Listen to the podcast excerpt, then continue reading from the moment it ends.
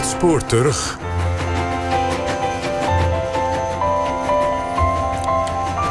Ja, en in het spoor terug dan nu uh, Shackleton en de strijd om de Zuidpool.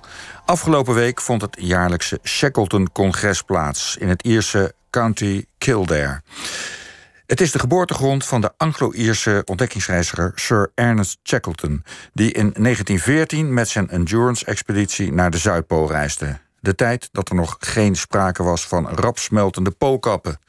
Roald Amundsen had het gebied drie jaar daarvoor bereikt, dus Shackleton koos een nieuw doel: de Zuidpool per land oversteken.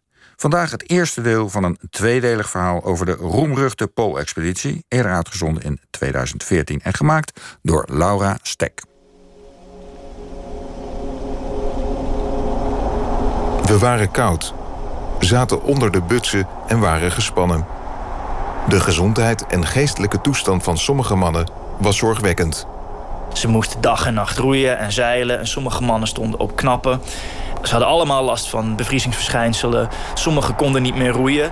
De binnenkanten van onze dijen waren volkomen opengeschuurd. En de enige tube zalf die we aan boord hadden... was volstrekt ontoereikend om de pijn te verzachten... die door het contact met zoutwater steeds weer werd opgewekt. We hadden het gevoel dat we nooit sliepen. Worsley was zo moe, die had niet geslapen... Uh, dat op een bepaald moment dat hij uh, in slaap zakte aan het roer. En ze konden hem alleen nog wekken door hem uh, tegen zijn hoofd te schoppen. Als verdoofd deden we ons werk. Terwijl we hoopten land in zicht te krijgen. Die monotonie van dat blijven roeien en, en, en misschien eventjes vijf minuten ademhalen... en de blaren en de stukken vel vallen van je handen... en je bent helemaal doorweekt en je moet het maar gewoon dagen achter elkaar kunnen volhouden. Als we opzij keken, keken we recht in de tunnel van de omrollende golf die op het punt stond in te storten. Zeker duizend keer leek het erop dat de James Caird door de golven zou worden verzwolgen. Ernest Shackleton zit met vijf andere bemanningsleden in de James Caird, een kleine roeiboot.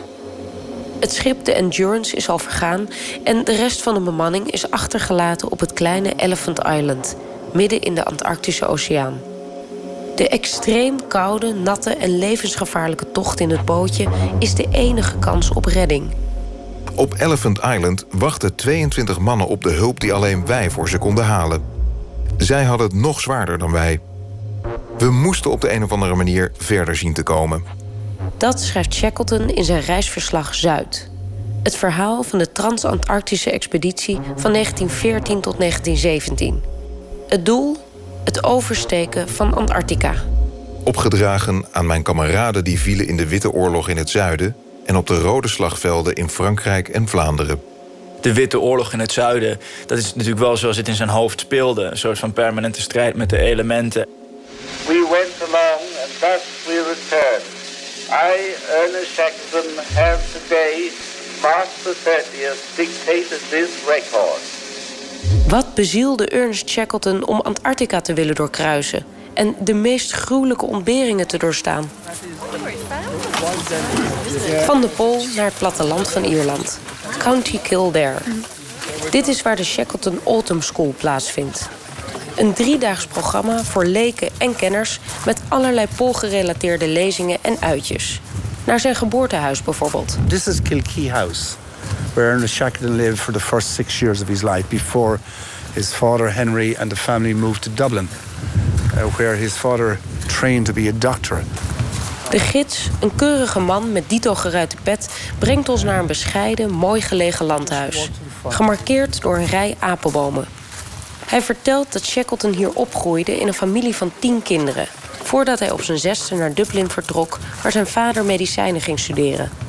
Aan het huis is in al die tijd bijna niets veranderd. All these outbuildings here are exactly as they were in his time. Nothing has changed. And I gather the, the room he was uh, born in is, is, actually at the back of the house. That's where his sister, who was also born in the house, indicated that's where he, had, he was born. Ernest Shackleton. Samen met een paar ware Shackleton-fans staar ik naar het raam op de bovenverdieping. De kamer waar hij geboren zou zijn. This is Richard Green. Richard is the present owner of the house. De huidige eigenaar komt naar buiten. Richard, sorry to be going on top of you again. How are you? Good, good to see you. Hij laat een oude foto zien met een van Shackleton's zussen op de oprijlaan. It's Ernest's sister Kathleen here in 1925. Look, she's standing on the drive there. Looking You see, looking down, looking like looking down this way towards the house. Can you see the old car? But it's a great, Great. picture. she was a substantial lady, wasn't she? Volgens zijn biografen is de kleine Shackleton in zijn vroege jaren nog geen haantje de voorste. Sterker nog, door de kindermeid wordt hij meneer Langzaam genoemd, omdat hij tijdens wandelingen achterblijft om planten en dieren te bekijken. Er zijn wel kleine voortekenen, met terugwerkende kracht uiteraard. De mof van een van zijn zussen, gemaakt van keizerpinguïnvacht, schijnt hem uren te kunnen boeien. En Het leven onder de Eskimo's is zijn lievelingsboek. Ik heb altijd belangstelling gehad voor poolonderzoek. Mijn interesse was zo groot dat ik bijna alles omtrent de ontdekkingsreizen naar de Noord- en de Zuidpool had gelezen. Als ik me niet vergis, is er een anekdote dat Shackleton erin was geslaagd om een van de huishoudsters wijs te maken dat er een schat in de tuin lag. Dat zegt kunstenaar en Shackleton-kenner Sibren Renema. Dus toen hij met zijn zusjes een beetje in het spelen was, kwam de huishoudster helpen. Want die geloofde daadwerkelijk dat er een, een schat lag. En ik weet niet of het apocrief is of niet, maar zo'n soort overtuigingskracht is natuurlijk wel iets wat ontzettend helpt als je, dus zoals dan later blijkt, in alle hele ingewikkelde situaties terechtkomt. Waarbij niet volgen van een bevel het verschil is tussen leven en dood. Ik ontmoet Sibren in het regionale museum in Athy, vlakbij Shackletons geboortehuis en de plaats waar het congres plaatsvindt. Even kijken wie erin zit trouwens. De muur hangt vol met oude foto's. Hij is vrij kort en gedrongen met een brede kaak. En een compleet vastgeplamuurde scheiding in het midden, zoals de mode was in die tijd. En altijd een mooie stijve boord en een strop. Dat is eigenlijk heel chic. Nou ja, goed, ergens vast nog een gouden horloge of zo, maar dat zie je niet. Maar zo'n gevoel krijg je erbij. En naast hem staat iemand in een, nou ja, toch wat meer soort van sportieve uitstraling. Shackleton gaat duidelijk voor, eh, voor klassiek. En daarboven een mooie foto van Shackleton en Hurley die ehm, op een soort van geïmproviseerd plankendek zitten naast een eh kookfornuis. Shackleton kijkt als een soort van oude cowboy, heeft een rattig baardje. En Hurley is een eh, zeehond in repen aan het snijden. Waarschijnlijk haalt hij de blubber eraf voor het fornuis waar ze naast zitten. De bijna slikke zakenman in pak en de compleet verwilderde poolreiziger lijken met elkaar in contrast te staan. Toch horen ze bij elkaar, zegt Sibren. Ik denk in de eerste plaats dat hij gewoon als persoon eh, vrij romantisch ingesteld was. Hij schreef ook gedichten. En las altijd poëzie en kon reutels gedichten opdreunen. En dat deed hij ook gewoon voor bemanningsleden die er verder geen fluit van begrepen. Omdat ze maar half geletterd waren.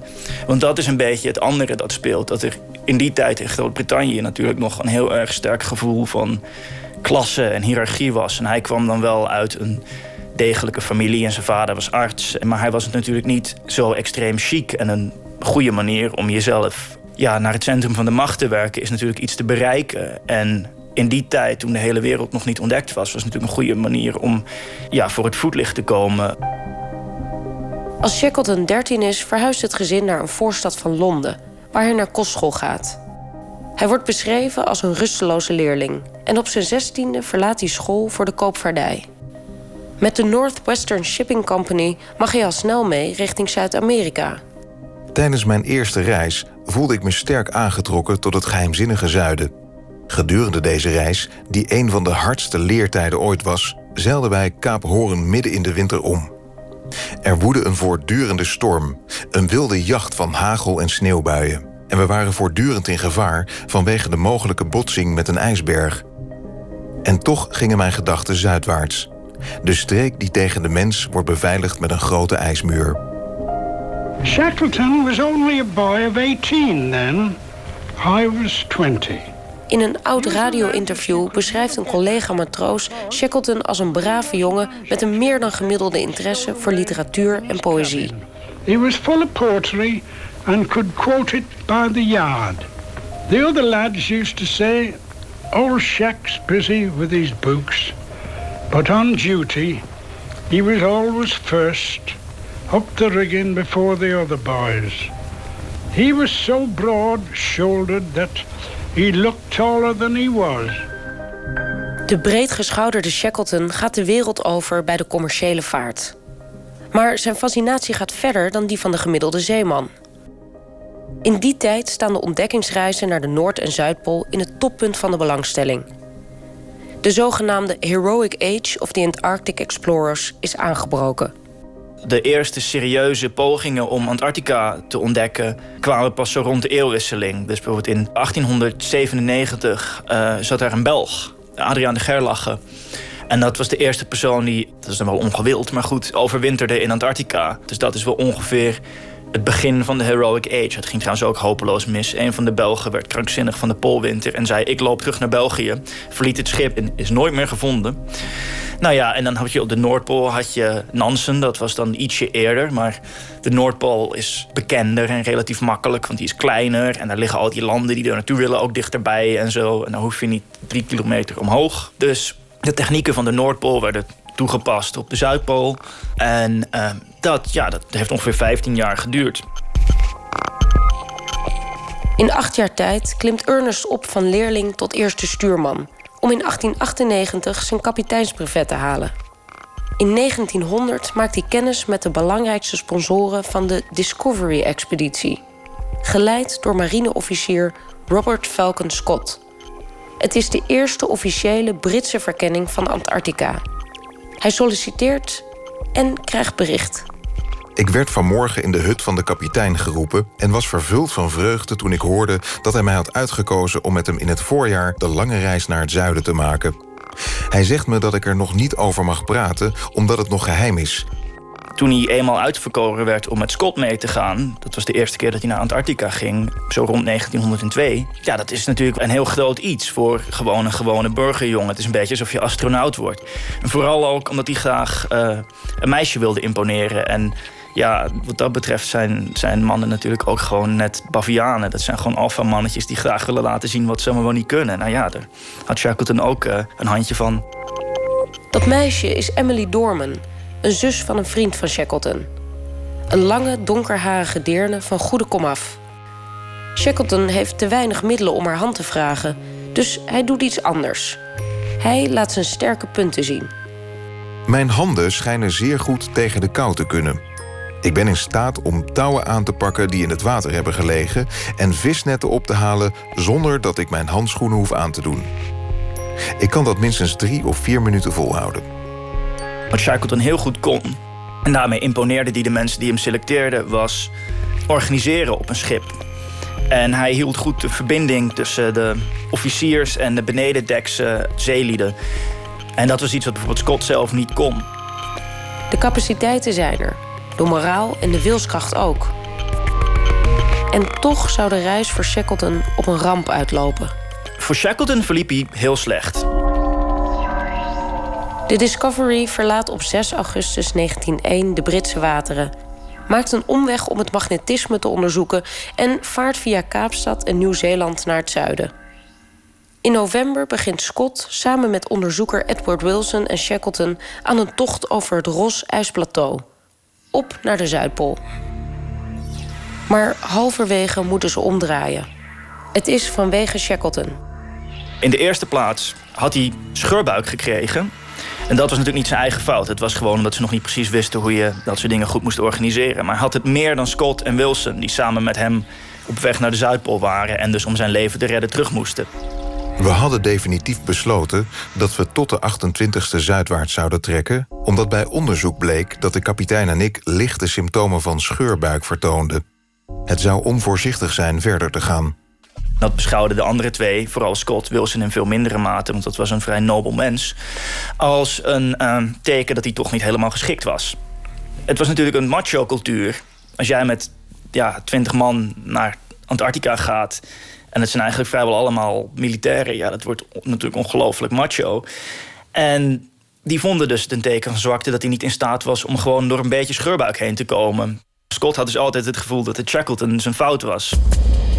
Wat er nog bij kwam was dat Scott een beetje jaloers was op het feit dat Shackleton wel met al die benedendekse figuren om kon gaan.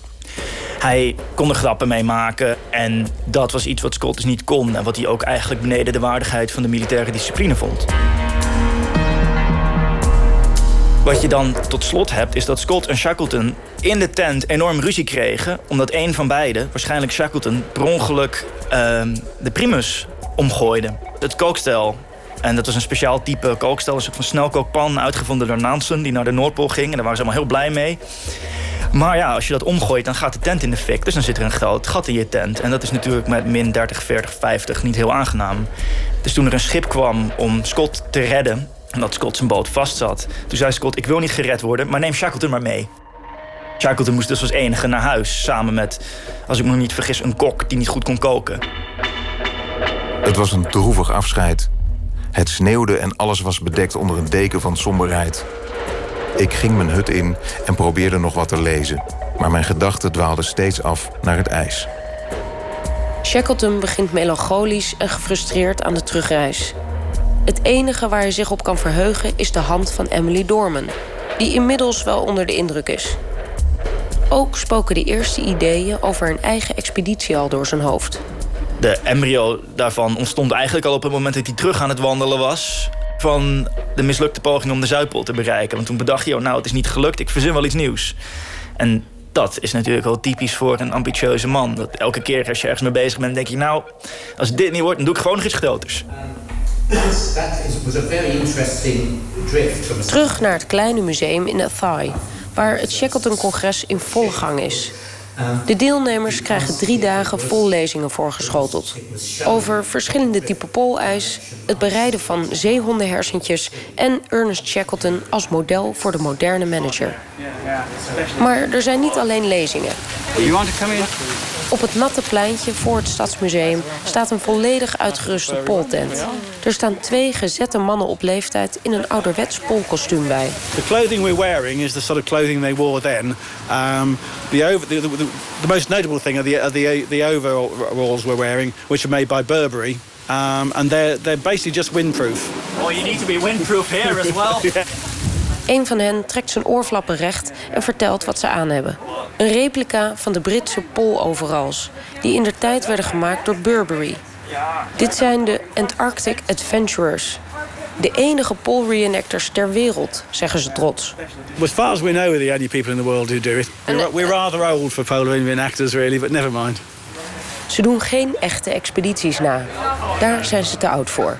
Maar ze geven wel tekst en uitleg bij verschillende uitgestalde paraphernalia. Van een oude filmcamera tot sledes en skis. We have all the kit that goes with that. We have the sledge, the skis, the tents, as well as we have quite a lot of uh, photographic equipment and displays showing the photographs of the period. Het enige dat ontbreekt zijn de sledehonden. We don't have the huskies, because they always steal the show. People like the dogs more than they like us. Er liggen ook een soort hondenbrokken in de vitrine. Voedsel dat werd meegenomen op de sledetochten, zegt de man. Dit at Shackleton dus toen hij scheurbuik kreeg. The problem when they're sledging is you can only pull a certain amount of weight on the sledge. So the food needed to be the light, as light as possible to get as much nutrition as possible on the sledge to go as far as possible. Het voedsel moest zo licht mogelijk zijn en zoveel mogelijk calorieën bevatten. Dus aten ze pemmican, gedroogde biefstuk in poedervorm, vermengd met vet. Best quality beefsteak that's been dried, ground to a powder and mixed with beef fat. They would mix that with ship's biscuits, naval biscuits, and make what they called a hoosh, which would have been a, a sort of sloppy beef stew, really, not very nice at all. Did you try it? I've tried it, it's not very pleasant. It's, it's sort of beefy grit in fat, really. Het klinkt niet direct heel smakelijk. En ook niet erg scheurbuikresistent. De man in het poolkostuum vertelt dat de ontdekkingsreizigers in die tijd vooral dachten dat het aan bedorven of geïnfecteerd eten lag, in plaats van een gebrek aan vitamine C. There were two theories about scurvy. One that was something was missing from, from the food, which was vitamin C. Um, the other was there was something wrong with the, the food. It had been infected with something, a, taint of some sort. And Scott and Shackleton, I think Amundsen as well, they, they thought it was a taint. So they spent a, a lot of money and time making sure that all their food was very and cleanly prepared. But obviously it made no difference. Shackleton herstelt van zijn scheurbuik in Londen, trouwt met Emily en gaat direct fondsen werven voor een eigen expeditie. En dat lukt. Op 1 januari 1908 vertrekt de British Antarctic Expedition met het schip de Nimrod vanuit Nieuw-Zeeland. Tot groot verdriet van Scott, die uiteindelijk ook de Zuidpool niet haalde. Shackleton pakt het net iets anders aan dan Scott en neemt eigen creaties mee. Er is hier een um, sledeharnas gebruikt op de expeditie die het verst naar het zuiden ging. Dit is dus de Nimrod-expeditie. En het is eigenlijk gewoon een, een katoenen ding met een gesp en dan uh, nog een gesp. En dat ging dus over je schouders en dan ging er een om je middel. En daar hing je dan een lang touw aan en dan ging je staan sleuren. Want uh, sledehonden, dat was decadent. Echte mannen die trokken een, uh, een slee met hun... nou, nog net niet met een ontblote bovenlijf, maar toch liefst zo, zo stoer mogelijk. Maar als het niet meer op brute mankracht kan, dan moet er toch hulp komen. Shackleton waagt zich aan een nieuw experiment. Hij neemt ponies mee. Die ponies kwamen uit uh, Manchurije. Het idee was nou, die komen uit ergens waar het koud is. Maar die ponies moesten over de Evenaar, wat ze natuurlijk niet leuk vonden. En die werden vervolgens naar uh, Nieuw-Zeeland uh, verscheept en moesten toen op een boot. Nou ja, en dan heb je daar de breedtegraden naar het zuiden toe. Waar de zee soms gewoon zo hoog is als een huis. Dus af en toe spoelde er zijn pony overboord. Nou, toen hij eindelijk aankwam, toen aten er nog vier ponies een hele hoop uh, zand op. Omdat ze dachten dat het... ja, dat vonden ze lekker, want er zat zout in. En ze dachten, nou, dat is gras of zo. Die beesten zijn niet al te snugger. Dus ja, dat spul sneed die magen open. En al die ponies vielen dood neer. Dus ja, het idee, was, het idee was die beesten kunnen goed tegen de kou. Maar het resultaat was toch vooral een hele hoop gedoe. Maar het levert dan weer wel een kerstdiner op. Getuigen zijn dagboek. We hadden een schitterend diner. Eerst een portie ponyvlees, gekookt met pemmeken en beschuit. Dan kookte ik in cacaowater een kleine plumpudding. Met een druppel medicinale brandewijn was dat een weelde. Na het eten bespraken we de toestand. En we hebben besloten ons voedsel nog meer te verminderen. We hebben nu nog ongeveer 500 geografische mijl af te leggen naar de Pool en terug. We hebben voor één maand voedsel, maar slechts voor drie weken beschuit. Eén groep vertrekt naar de magnetische Zuidpool en de andere glijdt door Shackleton naar de geografische Zuidpool. De eerste tocht slaagt, maar de tweede strandt door te weinig voedsel. Het einde nadert. We kunnen op zijn hoogst nog drie dagen door, want onze krachten verminderen nu snel.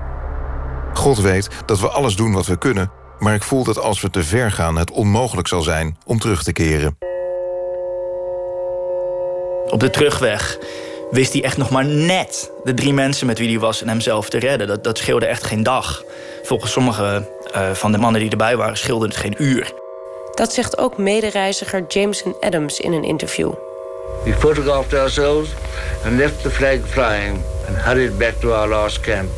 But if we had gone on for one more mile, I doubt if we should have got back at all. When we reached our blizzard camp, we were dead beat. En dit is Shackleton zelf. Die bij terugkomst verslag doet van zijn expeditie. We reached a point within 97 geographical miles of the South Pole. The only thing that stopped us from reaching the actual point was the lack of 50 pounds of food.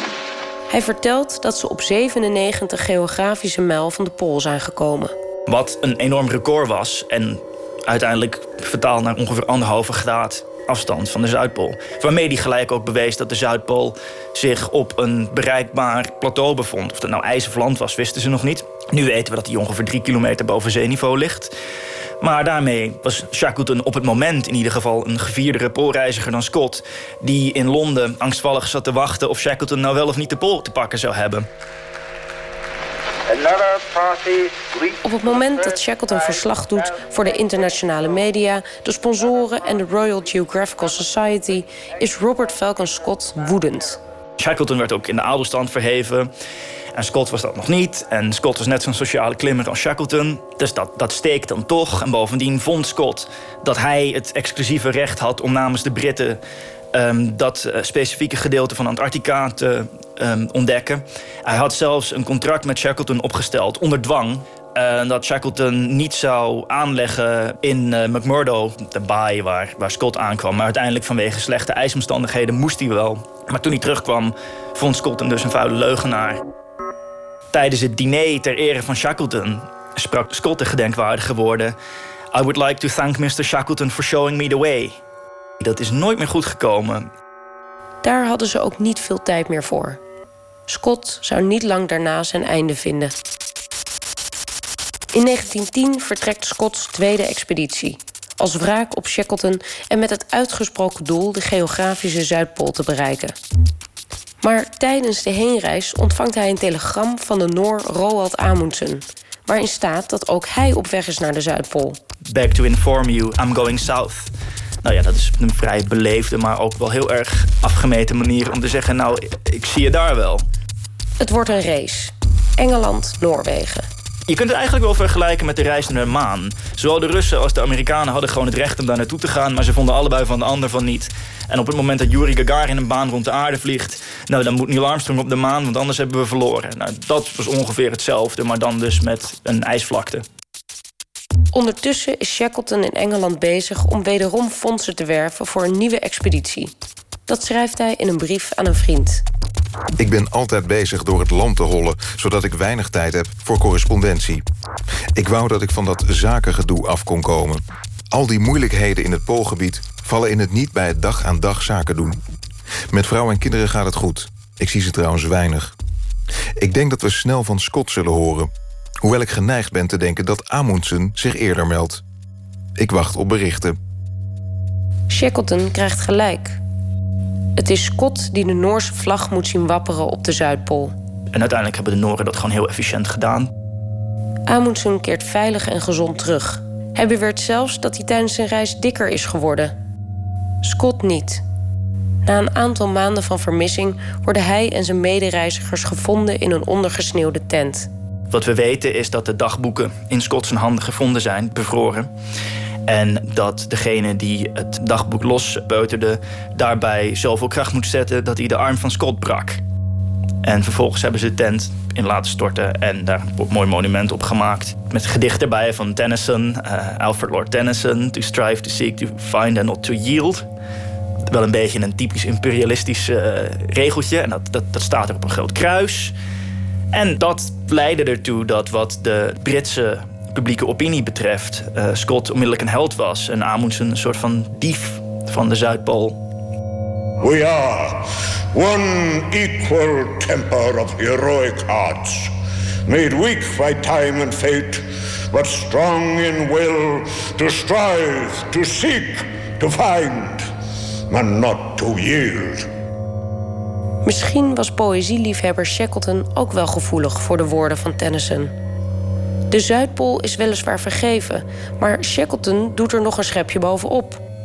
Hij is op jacht naar geld voor het grootste plan om Antarctica te voet over te steken. Er is wel een probleem.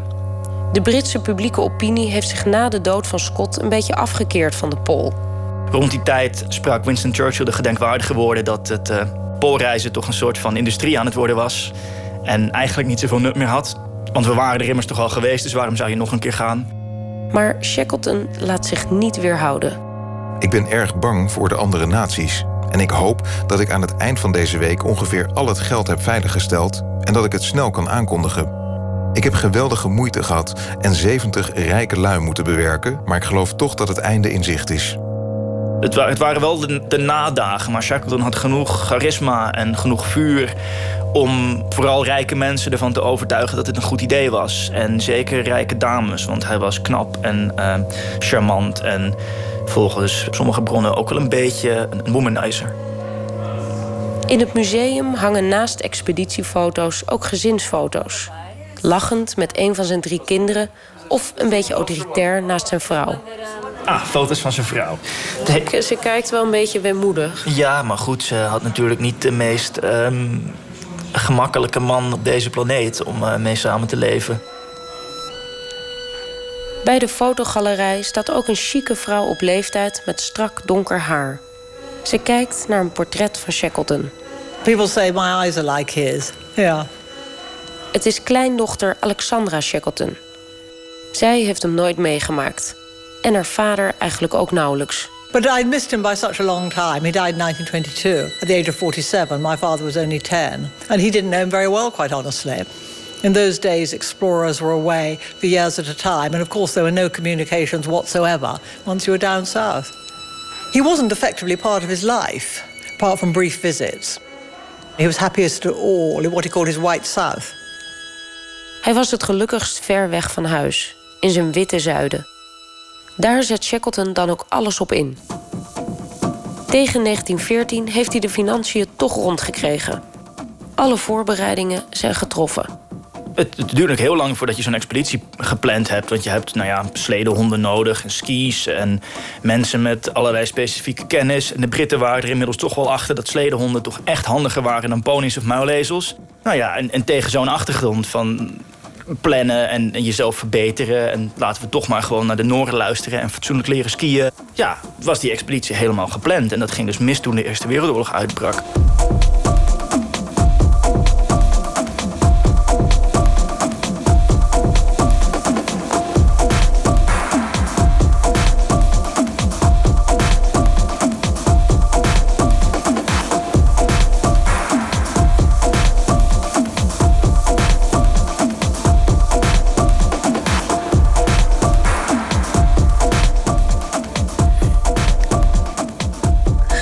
Dit was het eerste deel van het tweeluik over poolreiziger Sir Ernst Shackleton. Uh, en de Shackleton is vertolkt door stemacteur Rogier Timmermans. En het is gemaakt door Laura Stek. En volgende week hoort u deel 2.